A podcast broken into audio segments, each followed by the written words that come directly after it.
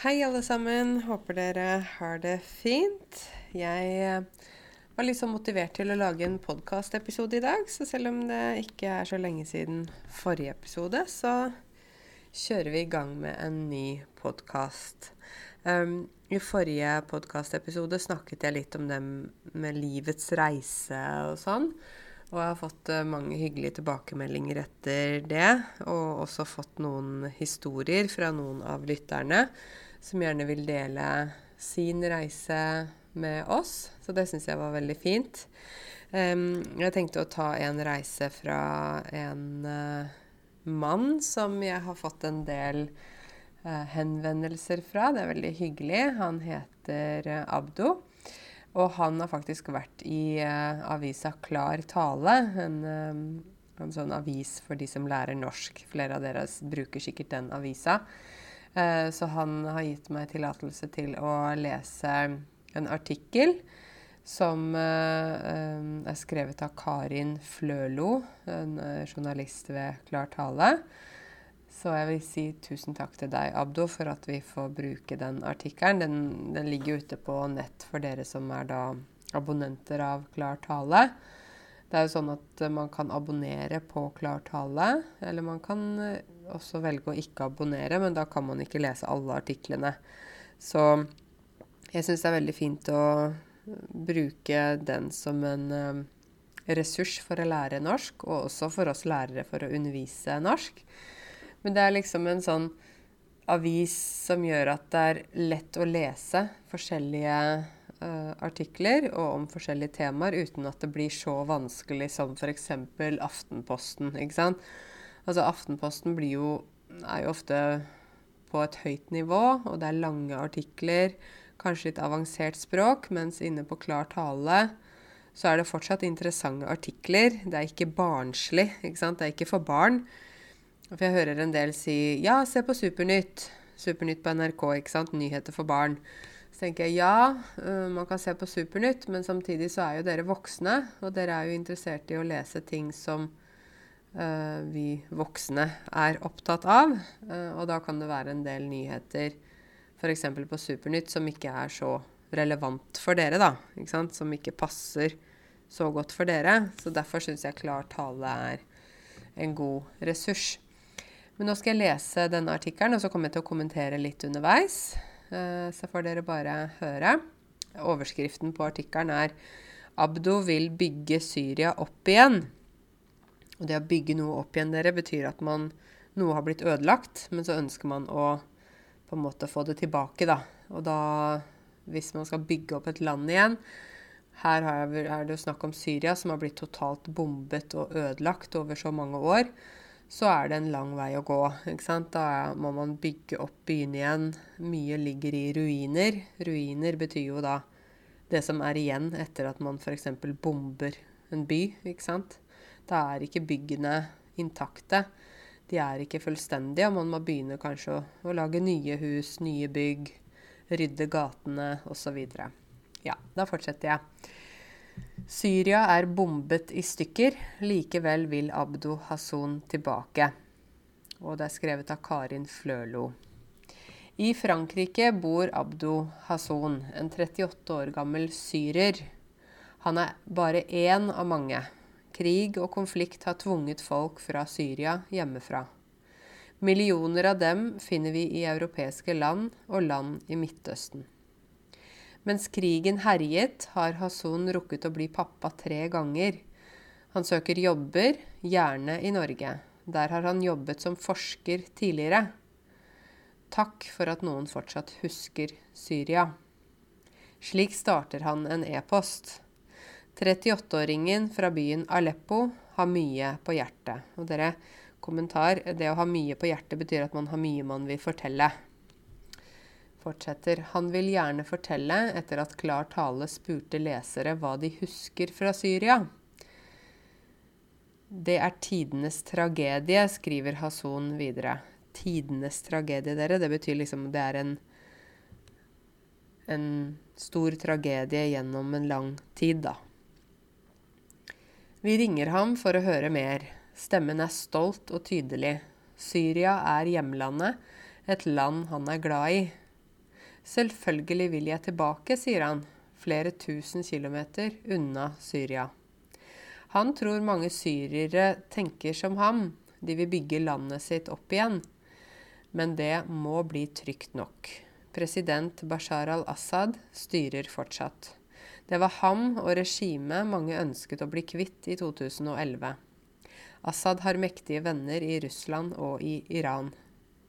Og nå er det penger Syria trenger. Slik kan de komme seg videre, ifølge ekspert Cecilie Hellestveit. Abdu Hasson vil ikke kalle konflikten i Syria en borgerkrig. Og dere kommentar borgerkrig betyr da en krig som er inne i landet. Altså der grupper i samme land kriger mot hverandre. Ikke at andre land kriger mot deg, ikke sant? Civil war kalles det på engelsk. Uh, han sier det er en revolusjon. Folk krevde en forandring for ti år siden.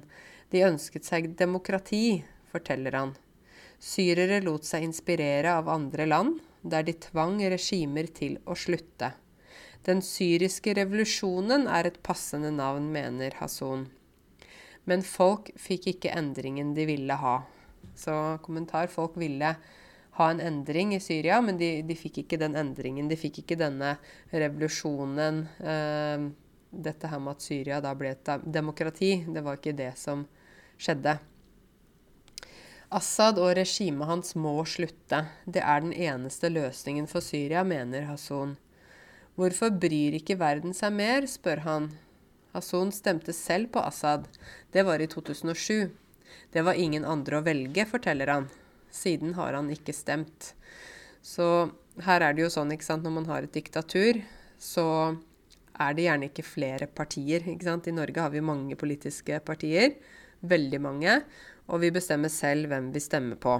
Og så den som da vinner valget, det blir avgjort ved antall stemmer som det partiet har fått. Og så sitter de da um, ikke bare ett parti, men det sitter gjerne da en samarbeidsregjering, ikke sant. F.eks. nå har det vært uh, egentlig fire partier. Det har vært Høyre, Fremskrittspartiet, Kristelig Folkeparti og Venstre. Nå er da Kristelig ja, altså Frp trakk seg ut. Så det er litt sånn spesielt. Men poenget mitt er at vi har flere valg når vi skal gå uh, og stemme her i Norge. Mens Hason da hadde ikke noe valg i 2007. Det var bare Assad han kunne stemme på. Uh, men etter, etter, dette som har skjedd, så har han altså ikke stemt. Jeg fortsetter. Livet gikk sin vante gang i Syria før 2011. Dere, at noe går sin vante gang, betyr at det, det er rutine. Ting er som vanlig. Det er ikke noe spesielt. Alt går sin vante gang. Vane kjenner dere kanskje, at man har vaner. Ja. Abdo Hasson pakket sakene og dro til Frankrike. Der studerte han fra 2010. Han planla å dra hjem og jobbe etterpå. Selv om livet i Syria var roligere før, husker han også det vanskelige. Økonomiske ulovligheter ikke sant? Ting som ikke er lov innenfor økonomi. Korrupsjon var et problem. En del mennesker slet økonomisk, mens andre hadde det bra. Hason forteller at folk ble henrettet. Det at noen blir henrettet, det betyr at de blir eh, drept eh, av eh, f.eks. her da myndighetene, ikke sant? Eller at eh, folk blir eh, skutt, drept. Um, av en eller annen grunn, og det kan være politisk grunn, religiøs grunn eller noe sånt. På engelsk sier vi 'assassinated'. Um, men krigen har gjort livet i Syria verre. I 2017 slo organisasjonen Amnesty alarm. De sa at Syrias regjering hengte tusenvis av mennesker uten rettssak. Det skal ha skjedd mellom 2011 og 2015. At noen blir hengt dere, betyr at man får et tau rundt halsen ikke sant? Og gjerne da på åpen plass, sånn at folk kan se. Så, så, står de kanskje på en stol, og så tar man stolen bort, og så henger de i tauet. Dere vet hva, hva, jeg mener da. Forferdelig. Det står dårlig til i Syria, selv om vi ikke snakker så mye om det i mediene lenger, sier Hasson. Han har selv merket krigen på kroppen. Han nevner tre navn. Ahmad, Mohammed og Abdel Wahab. De var venner fra barndommen, men ble ofre for krigen. At noen blir et offer dere for krigen, det betyr at de dør i krigen, rett og slett. I 2014 falt en bombe ned på hjemmet hans. Foreldrene bodde der fortsatt. Bomben eksploderte ikke, forteller han, men mor og far ble redde. De skjønte at nå måtte de komme seg bort. Løsningen ble nabolandet Tyrkia. Der bor det mange syrere.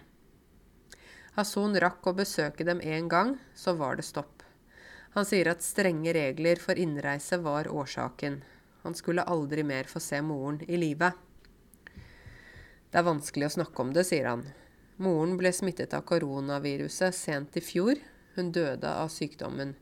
Hjertet mitt er knust, sier han. Moren min ble bare 55 år gammel, og han fikk aldri ta ordentlig farvel. Historien min er kanskje trist, men den er ikke unik. Hver syrisk flyktning har en lignende historie. Kanskje en enda hardere og tøffere skjebne. Det var uh, den uh, artikkelen om uh, Abdo Hasson. Um, jeg har jo jobbet mye med flyktninger i mange år. Flyktninger fra forskjellige land som har kommet til Norge av forskjellige grunner. Um, men det de har til felles, er at de har flyktet fra noe som ikke er bra for dem. Uh, en del har flyktet fra krig. Noen har flyktet fra uh, politiske uh, politiske uroligheter, religiøse grunner, eller at det har vært De har blitt forfulgt, altså noen skal ta dem på en måte. Og jeg tenker sånn Jeg vet ikke hvordan det er å flykte, da. Jeg kan ikke si at jeg vet det, fordi det har jeg ikke gjort. Men jeg har hørt mange historier, og jeg kjenner det jo på kroppen når jeg hører disse historiene. Ikke sant? Man, må liksom Hvis man har empati, da Det å ha empati betyr at man, man klarer å liksom sette seg inn i hvordan andre har det, og bry seg om andre.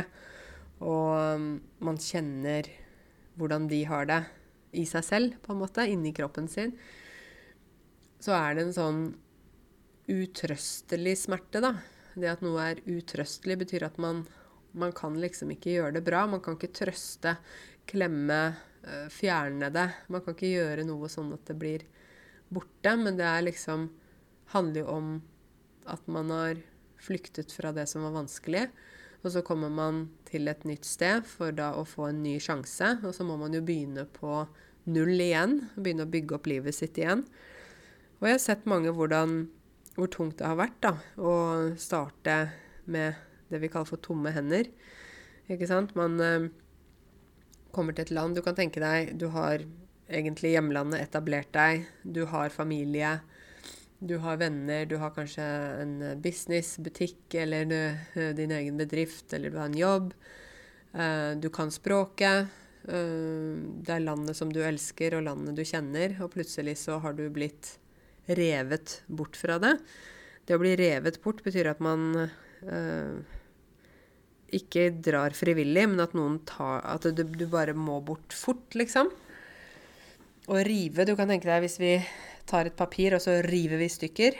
Ikke sant? Det er akkurat som å bli revet bort fra landet. Da må du bare Det blir veldig sånn brutalt, da. Um, det jeg syns har vært kanskje veldig vondt, er jo at en del nordmenn um, har vært veldig kritiske til flyktninger. Uten at de egentlig kjenner flyktninger. De kanskje kjenner da ingen som er flyktning. Uh, har ikke noen venner som er flyktninger. Det syns jeg gjør veldig vondt. Da blir jeg veldig lei meg. Uh, jeg har veldig sånn sterk rettferdighetssans. Det betyr at jeg er veldig opptatt av rettferdighet, da, og at jeg reagerer veldig kraftig på urettferdighet når noe blir urettferdig. Sånn har jeg vært siden jeg var liten. Så f.eks. når noen kommer, og, kommer med påstander eller sier ting som uh, ikke stemmer om noen, uh, da blir jeg ofte veldig sånn opprørt. Det å bli opprørt betyr at man blir sint, frustrert, lei seg. Mange ting på en gang. Uh, det er litt det motsatte av rolig. um, og da er det på en måte sånn som jeg ser det i hvert fall, så tenker jeg at uh, først så må man bli kjent med mennesker, ikke sant? Uh, akkurat som med mat. Man kan ikke si at man ikke liker noe mat før man har smakt. Ikke sant? Man kan ikke si at man ikke liker noen mennesker før man har blitt kjent med dem. Uh, jeg skjønner ikke hvordan man kan egentlig si noe sånt, da. Uh, fordi at det er liksom helt uh, Altså, dere skjønner hva jeg mener, ikke sant? Det å forhåndsdømme noen, da, det å ha fordommer Hvis man har fordommer mot noen, så har man um, en sånn allerede bestemt hvordan ting er. Og så har jeg jo sett også ikke bare nordmenn som har vært sånn slemme mot flyktninger, eller jeg har også sett eh, innvandrere i Norge som har vært veldig kritiske til flyktninger, selv om de selv er innvandrere. Um, det kan jo være at de har lest ting i media, eller at det er blitt snakket mye om ting, eller at det er blitt negativt fokus, eller noe sånt. Men jeg tenker at det er veldig viktig at vi er ydmyke når vi ikke kjenner en situasjon. Jeg, som, jeg sier at jeg har ikke vært flyktning. Eh, jeg vet ikke hvordan det er. Det har vært nordmenn som har vært flyktninger under krigen og sånn, men det er så lenge siden, ikke sant? Um, at jeg kan, ikke, jeg kan, ikke, gå og si ja, men hallo, bare skaff deg en jobb, da. Skjerp deg. Eh, ta deg sammen, lær deg norsk. Bare Ikke sant? Jeg kan ikke gå og si det, for jeg vet ikke hvordan de har det. Jeg vet ikke hvordan det føles. Og så er det en del som sier ja, uh, som, altså som jeg har hørt, da. Det er jo min erfaring, men som jeg har hørt, ja, men de bare tar penger fra Nav de bare kommer og skal bruke ting her i Norge. Og da blir jeg så, blir jeg så både lei meg og sint, fordi det er min erfaring Og dere vet, jeg kjenner mange innvandrere. Jeg kjenner mange flyktninger. Da snakker vi ikke om én, to og tre. Hundrevis, tusenvis. Og jeg tror jeg kan si noe om det, da. Basert på min erfaring i hvert fall, er at de folkene som kommer som flyktninger, som får på en måte en ny sjanse Det er tungt å starte på nytt, men Min opplevelse er at de griper muligheten og prøver så godt de kan. Selvfølgelig hvis man har traumer. Ikke sant? Det å ha traume betyr at man har gått igjennom noe veldig, veldig vanskelig. Noe traumatisk. Da er det ikke bare lett å si OK, jeg reiser meg opp, jeg går videre, det går bra. Vi er ikke roboter. Vi er mennesker. Så det er noe med å på en måte prøve å finne en vei da, i det, det nye livet. Jeg husker så godt jeg var eh, sånn dere, Jeg har fortalt det før, men jeg var sånn leder på sånn internasjonal sommerleir for barn. CISV. Eh, noen av dere kjenner til det. Children's International Summer Villages. Um, og der var det sånn at det var jo barn fra tolv forskjellige nasjoner som skulle være sammen en måned. Fire barn fra hvert land. Så jeg hadde jo med meg fire norske barn. To jenter og to gutter. Og de var elleve år. Og i begynnelsen av uh, sommerleiren så hadde vi bare sånn morsomme aktiviteter. Sånn de skulle bli kjent, og vi leka, lekte sammen, og vi tulla, og vi sang og lo, og sånne ting. Men eh, etter hvert som eh, tiden gikk, da, de skulle jo være der en måned, så var jo målet med den leiren var jo Det er en fredsleir for barn, ikke sant? Og målet var jo å øke forståelsen for hverandre. Ikke sant? Uh, skape tillit, ha respekt for hverandre. Være gode med hverandre. Være uh, sensitive for kulturelle forskjeller, religiøse forskjeller. At vi har forskjellige erfaringer og sånn. Og det, tanken er jo å lære de barna å bli mer åpne og reflekterte. Slik at når de går ut i verden, så har de et annet syn på mennesker enn kanskje hva de hadde hatt hvis de ikke var med på den leiren, ikke sant? Og det jeg så, var jo det at de, de, de, så ikke farger, de så ikke religion. De bare lekte sammen, ikke sant? Barn er jo veldig fine sånn, mens vi voksne kan være liksom veldig sånn forutinntatt at vi Det betyr at man allerede har bestemt seg hvordan folk er, før man vet. Man bare Nei, men de fra Russland er sånn. De fra Malaysia er sånn. Eh, de fra USA er sånn. De fra Norge er sånn. De fra Tyskland er sånn. Ikke sant? Eh, det er jo å generalisere. Det er å skjære alle over én kam. Det har jeg sagt før, det vet jeg. Men barn er ikke sånn. Og så husker jeg vi skulle ha noen aktiviteter etter en tid hvor det var litt mer alvor. Og da hadde vi en aktivitet uh, der barna fikk uh, papir, uh, saks, lim og sånn.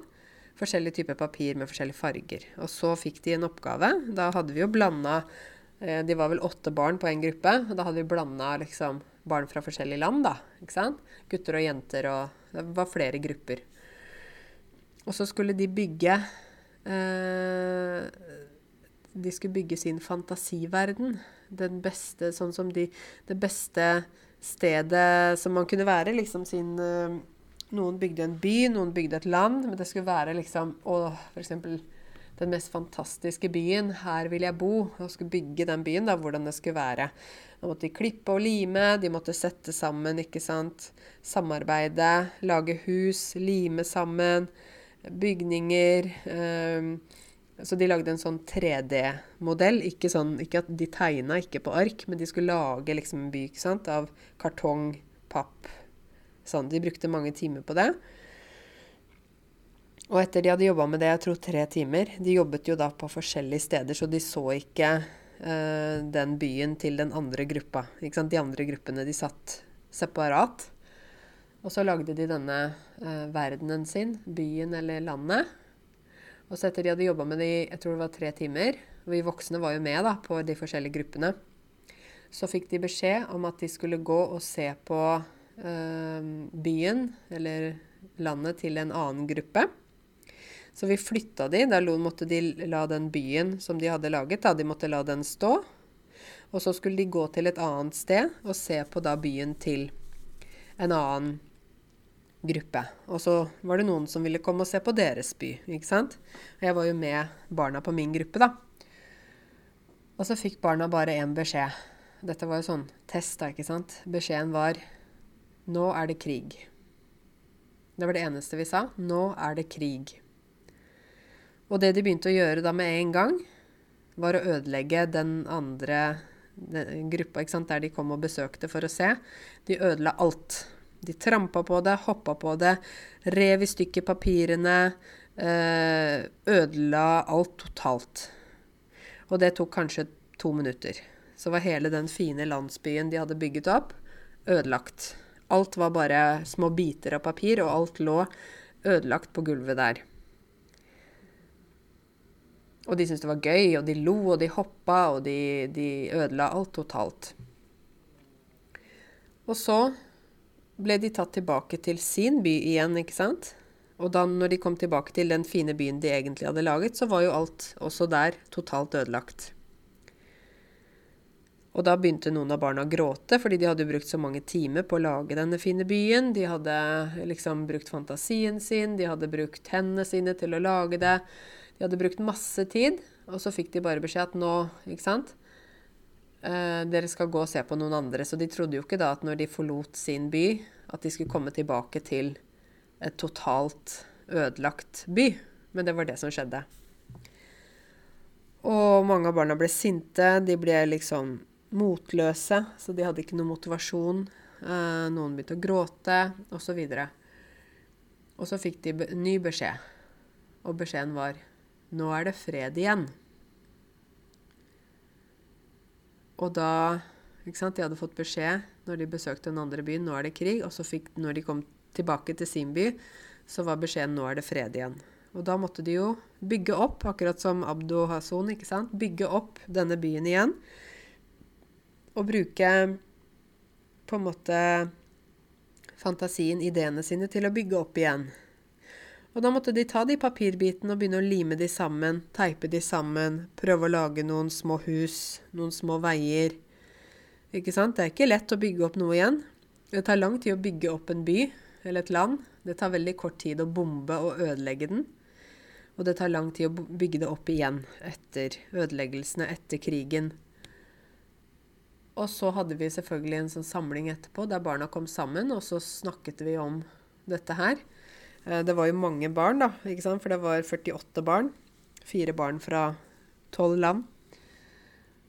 Og, og, da ble barna Det var en veldig fin øvelse, fordi det ble sånn at Oi, vet du hva? Ja, sånn er det med krig. Man har et fredelig, fint land, og så plutselig kommer noen og ødelegger, bomber. Alt blir ødelagt på veldig kort tid. Uh, folk blir triste. Folk dør. Alt blir ødelagt på så kort tid.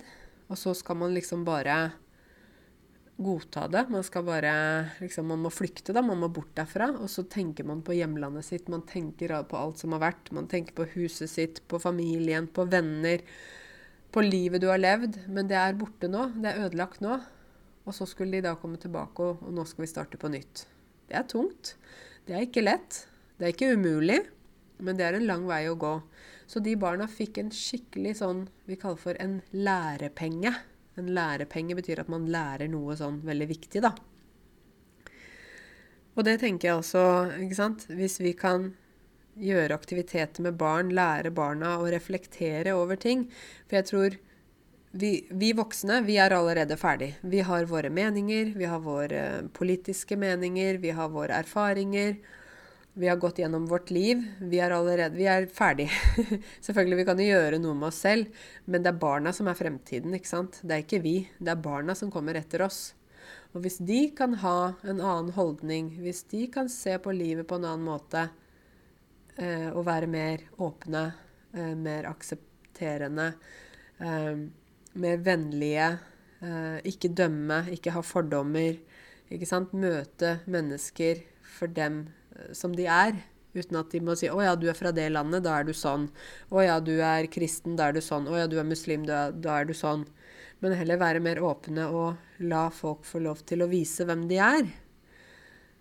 Hvis vi får sånne barn som kan gå inn i verden på den måten, da vil vi få en mer fredelig verden. Vi vil få en verden der folk kan møtes på tvers av kulturer. Folk kan være åpne for hverandre, snille med hverandre.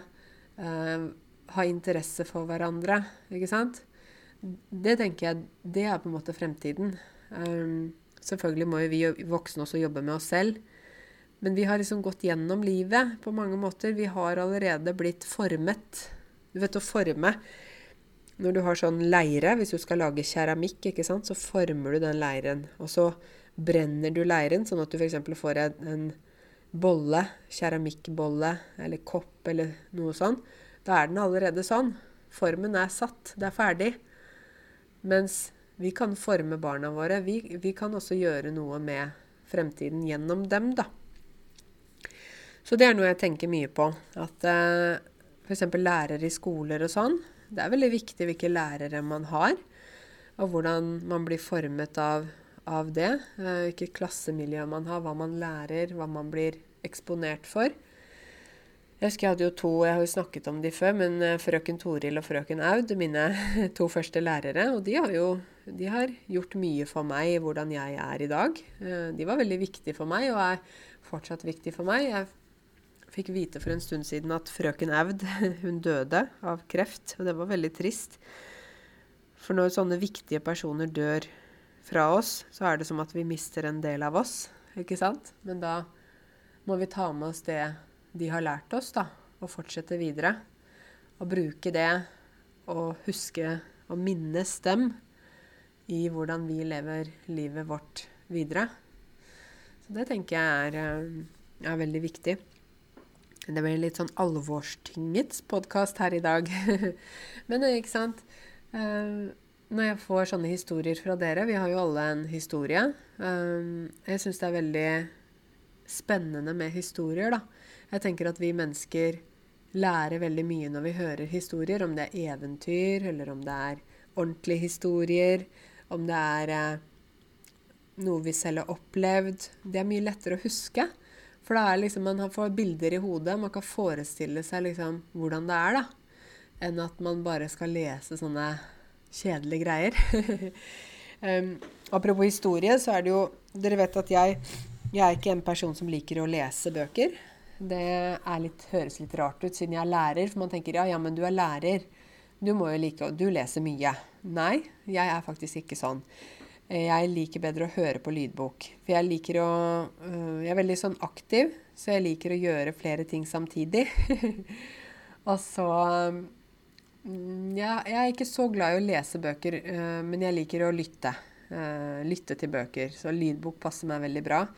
Det er nok også fordi jeg når jeg lærer, så lærer jeg på en auditiv måte. Vi snakker om forskjellige læringsstiler. Noen lærer sånn visuelt. De lærer ved å se ting, se bilder, se filmer og sånn. Noen lærer på en auditiv måte. De hører, lytter eh, til hva som blir sagt, eller sånn. Noen lærer på en taktil måte. De må ta på ting. ikke sant? De må liksom ha noe i hendene, forme ting, lage ting. Uh, ja, så det er forskjellige sånne måter å lære på. Jeg lærer på en auditiv måte. Det er også derfor jeg f.eks. lærer språk veldig lett, fordi at jeg hører, og så kopierer jeg. så um, for uh, Hva skulle jeg si nå? Jeg nesten glemmer det. Jo, eh, jo, apropos bøker. Jeg er ikke glad i å lese, men jeg er glad i å lytte på bok. Så jeg lyttet til 'Bienes historie' av Maja Lunde. Jeg vet ikke om noen av dere har vært borti den boka der. Eh, men hvis du er på litt høyere nivå i norsk, så kan jeg anbefale deg å høre på den. Den er også oversatt til veldig mange språk. Eh, og Maja Lunde, hun er en en stor internasjonal forfatter, men hun er først og fremst en norsk forfatter. Hun har bøker som er oversatt til over 40 språk. Og så har, har, bøkene hennes solgt mer enn 2,5 millioner eksemplarer, så det er ganske utrolig mye. Mange bøker. Hun er utdanna medieviter eh, fra Universitetet i Oslo. Så medieviter er jo en som har mye kunnskap om dette med media. Ikke sant? Eh, sikkert kommunikasjon, bøker, film Jeg vet ikke. Og hun har utgitt forskjellige bøker. Eh, det er jo 'Bienes historie', som var hennes første roman for voksne. Men hun har også andre bøker, bl.a. Eh, bøker sammen med Lisa Aisato, som er en illustratør. Hun er fantastisk flink til å tegne og male. Så ta og søk opp Lisa Aisato, så ser du alle de fine bildene hennes. Eh, denne 'Bienes historie' er solgt i over 36 land, og den har også vunnet flere priser. Uh, og jeg husker at det var den derre uh, bokmessa i Tyskland, og da var jo hun veldig sånn populær der. Veldig mange som ville snakke med henne og uh, bli kjent med henne. hun har også utgitt en annen roman som heter 'Blå', og den har blitt solgt i over 20 land. Og så er det Uh, høsten 2019 så kom hun med en tredje roman uh, som heter 'Presevalskis hest'. Det er litt vanskelig å uttale. Uh, den har ikke jeg lest ennå. Men i hvert fall Hun er utrolig flink. Jeg syns hun, hun er veldig sånn Hun har mye fantasi, altså. Jeg tenker wow, det er jo helt utrolig hva hun faktisk at hun har så mye kunnskap og klarer å liksom finne på de historiene. Jeg tenker, hvor, hvor, hvor, får hun det fra? Hvor henter hun den informasjonen fra? Men altså Bienes historie kort fortalt. Jeg skal ikke fortelle hva den handler om, du må jo lese den selv. Men det er tre parallelle historier til forskjellige tidsepoker. Eh, det er i England i 1852. Der er det en mann som heter William, som eh, er en biolog og han ønsker å bygge en ny type bikube. Vet du hva bikube er? Det er der biene bor, altså biene som lager honning til oss. Uh, og denne bikuben da, den skal både gi ham ære og berømmelse, så folk, han skal bli kjent for denne bikuben. Og liksom Wow, du har funnet opp en bikube som gjør at man får honningen ut lettere, og masse sånt. Og så er det en annen historie parallelt. da? De hopper frem og tilbake mellom disse historiene. Det er fra USA 2007. Og da er det en birøkter. Vet du hva det er? En birøkter. Det er altså en person som da eh, tar ut honningen fra bikubene. Ikke sant? Som henter ut honningen. Og det er en birøkter som heter George. Han eh, kjemper veldig hardt for at sønnen hans skal overta dette her med, med birøkting, altså bikubene. At sønnen skal fortsette i hans fotspor. Det er kanskje mange av dere som har hatt noen familiebedrifter, og så vil da gjerne foreldrene deres at dere skal fortsette med det samme, ikke sant? Man skal liksom fortsette med familiebedriften. Eh, men det som skjer med George, da, er at uh, rundt i USA, da Dette er jo fantasi, altså, men da skjer det at mange gårder plutselig opplever at biene dør. Altså ikke én bikube, men alle biene dør samtidig. Og dere vet, bier er jo veldig viktig for naturen, for uh, klima, for uh, at ting skal gå rundt. Altså Man ser små bier og humler og sånn. ikke sant? Man tenker å, det er bare en liten Det er bare en bitte, bitte lite insekt. Men en bie er ikke bare et lite insekt. Det er livsviktige insekter for alle. ikke sant? Så hvis det begynner å bli problemer med at man, mange bier dør, så blir det store konsekvenser. Tenk på det med pollinering. Det med at biene pollinerer um, De henter ut pollen og, og um, ja, Vent litt, nå skal jeg ikke forklare feil. Det er så lett at det blir feil, for det er ikke mitt fag, biologi. Men det med at, at uh, man får nye blomster, nye frukter og sånne type ting. Hvis man ikke har biene som henter ut pollen, og de sprer jo også pollen. Pollen kan jo også spre seg selv, da, det er ikke det, men, men biene har en veldig viktig rolle. Og hvis biene blir borte fra naturen, så får vi veldig store problemer. Um, så det er liksom i USA 2007 i denne historien, da, at George opplever at uh, hans bier bare dør. Hele bikuber. Plutselig liksom åpner han bikuben, og så er det bare Alle biene er døde, ikke sant? Og så er det i Kina i 2098, altså i fremtiden. Og der er det en dame som heter Tao, som lever i en verden der biene har forsvunnet. Og hun ønsker veldig at sønnen hennes, da hun har en sønn, at han skal få andre muligheter enn hun har. Og så skjer det noe i hennes liv som endrer livet hennes for alltid. Uh, og disse tre historiene fra England, fra USA og fra Kina, altså England 1852, USA 2007, Kina 2098, altså 2098, de flettes inn i hverandre, de historiene. Uh, det er en bok om foreldre og barn. Det er en bok om mennesker og hvor sårbare vi er. Og det er en bok om en helt spesiell bikube.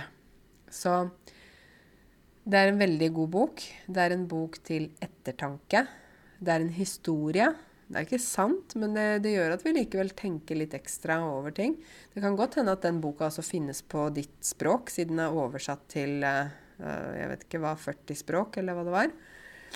Så den kan jeg absolutt anbefale. Maja Lunde, 'Bienes historie'.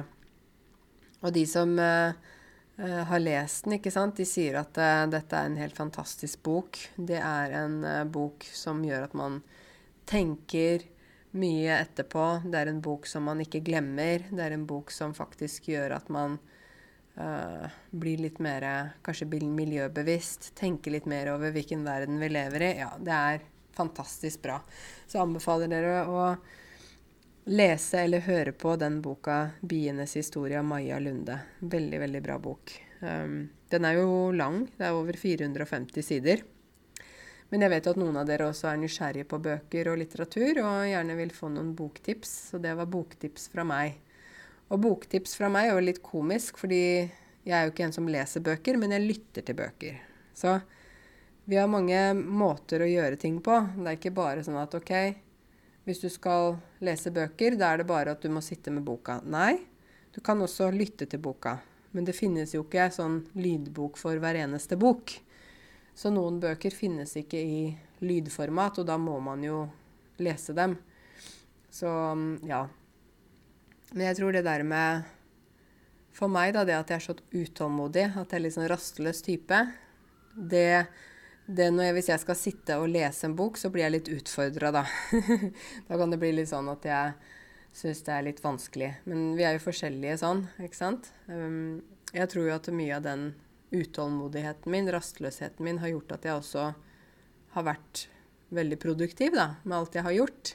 Så jeg er jo også glad for at jeg har mye energi, men jeg skulle gjerne ønske at jeg kunne være litt mer tålmodig. Så jeg jobber, jobber med det, da. Jeg tenker vi alle har jo litt å jobbe med. Um, og så tenker jeg at uh, hvis man kan bli kjent med seg selv og se hvilke styrker man har, og hvilke svakheter man har, eller hva man må jobbe mer med, så tenker jeg at man også kan bli et bedre menneske, da. Men så er det jo da at uh, Sånn som for meg, da. Jeg må liksom si høyt OK, jeg er en utålmodig person, men uh, utålmodigheten Det er ikke bare utålmodig jeg er, jeg er mange forskjellige ting. Men det med at jeg er utålmodig, det er en ting jeg vil jobbe med. ikke sant? Andre har jo andre ting de vil jobbe med, men jeg tror også at en del voksne mennesker vil ikke gå inn i seg selv og se inni seg selv hva er det jeg Først og fremst hva er det jeg er god til? Hva er det, er, hva er det som er bra med meg? Og hva er det jeg må jobbe mer med for å bli enda bedre? En enda bedre utgave av meg selv. Der tror jeg mange voksne sliter litt. Fordi at vi, vi vil liksom ikke gå inn på det som er vondt, da. Ikke sant? Av og til vil vi bare glemme og gå videre og mm, grave ting ned og ikke tenke, ikke stoppe opp og tenke. Men jeg tror det er veldig lurt at vi gjør det av og til. Hvis dere har en dårlig dag, da, så har dere en dårlig dag, og det er greit. Og så kommer det en ny dag i morgen, ikke sant. Da er det en ny sjanse. Så jeg syns det er viktig at man klarer å tenke litt sånn, da. Ja, dere. Dette her var eh, mange forskjellige historier i dag. Men eh, jeg vil jo gjerne oppfordre dere til Og oppfordre betyr å anbefale og ønske noe. Oppfordre dere til å sende inn hvis dere har lyst til å dele deres historie, sånn som Abdo Hasson gjorde. Det trenger ikke være med navn. Det kan være anonymt også. Eller du kan ha et pseudonym, altså et fantasinavn. Du trenger ikke si hvem du er med fornavn og etternavn, men det kan være spennende å høre noens historie, da. Um, og kanskje også hvor de kommer fra, ikke sant. Så, så man kan liksom sette seg inn i andres situasjon. Jeg tror på den måten så kan vi jo lære mer om hverandre og bli klokere, ikke sant? Så det er bra. Men uh, dere, nå er det helg. Det er uh, fredag. Jeg tenkte at jeg skulle dra Nå er jeg på kontoret. Jeg skal dra tilbake til rotehuset mitt. For dere vet uh, vi pusser opp, og vi bytter gulv og Uff, det er mye jobb. Men det blir veldig bra til slutt, da. Nå har vi tatt bort den leira som jeg lærte dere. Stubbeloftsleire. Vi har lagt ny isolasjon. Eh, varmefolie, nytt gulv. Så de er ikke ferdige ennå, men de holder på. Så jeg gleder meg at eh, det blir ferdig. Det blir deilig. Men det er slitsomt å leve litt sånn oppussing. Men, eh, men, jeg syns ikke noe synd på meg. Det er ikke synd på meg. Jeg pusser jo opp for å få det bedre. Så jeg får bare ha tålmodighet, da. Må jeg trene meg litt og ha tålmodighet med at uh, det ikke blir ferdig med en gang. OK, dere. Men da ønsker jeg dere en uh, god helg og god dag videre. Også hvis noen har lyst til å dele sin historie, så send gjerne til meg på e-post. Det er karense, alfakrøll, note.no. Dere finner også e-postadressen min på websiden. Dere kan også sende til postalfakrøllnote.no. OK, takk for at du lyttet uh, til podkasten min, og så ønsker jeg deg en fortsatt god dag videre. Ha det godt så lenge.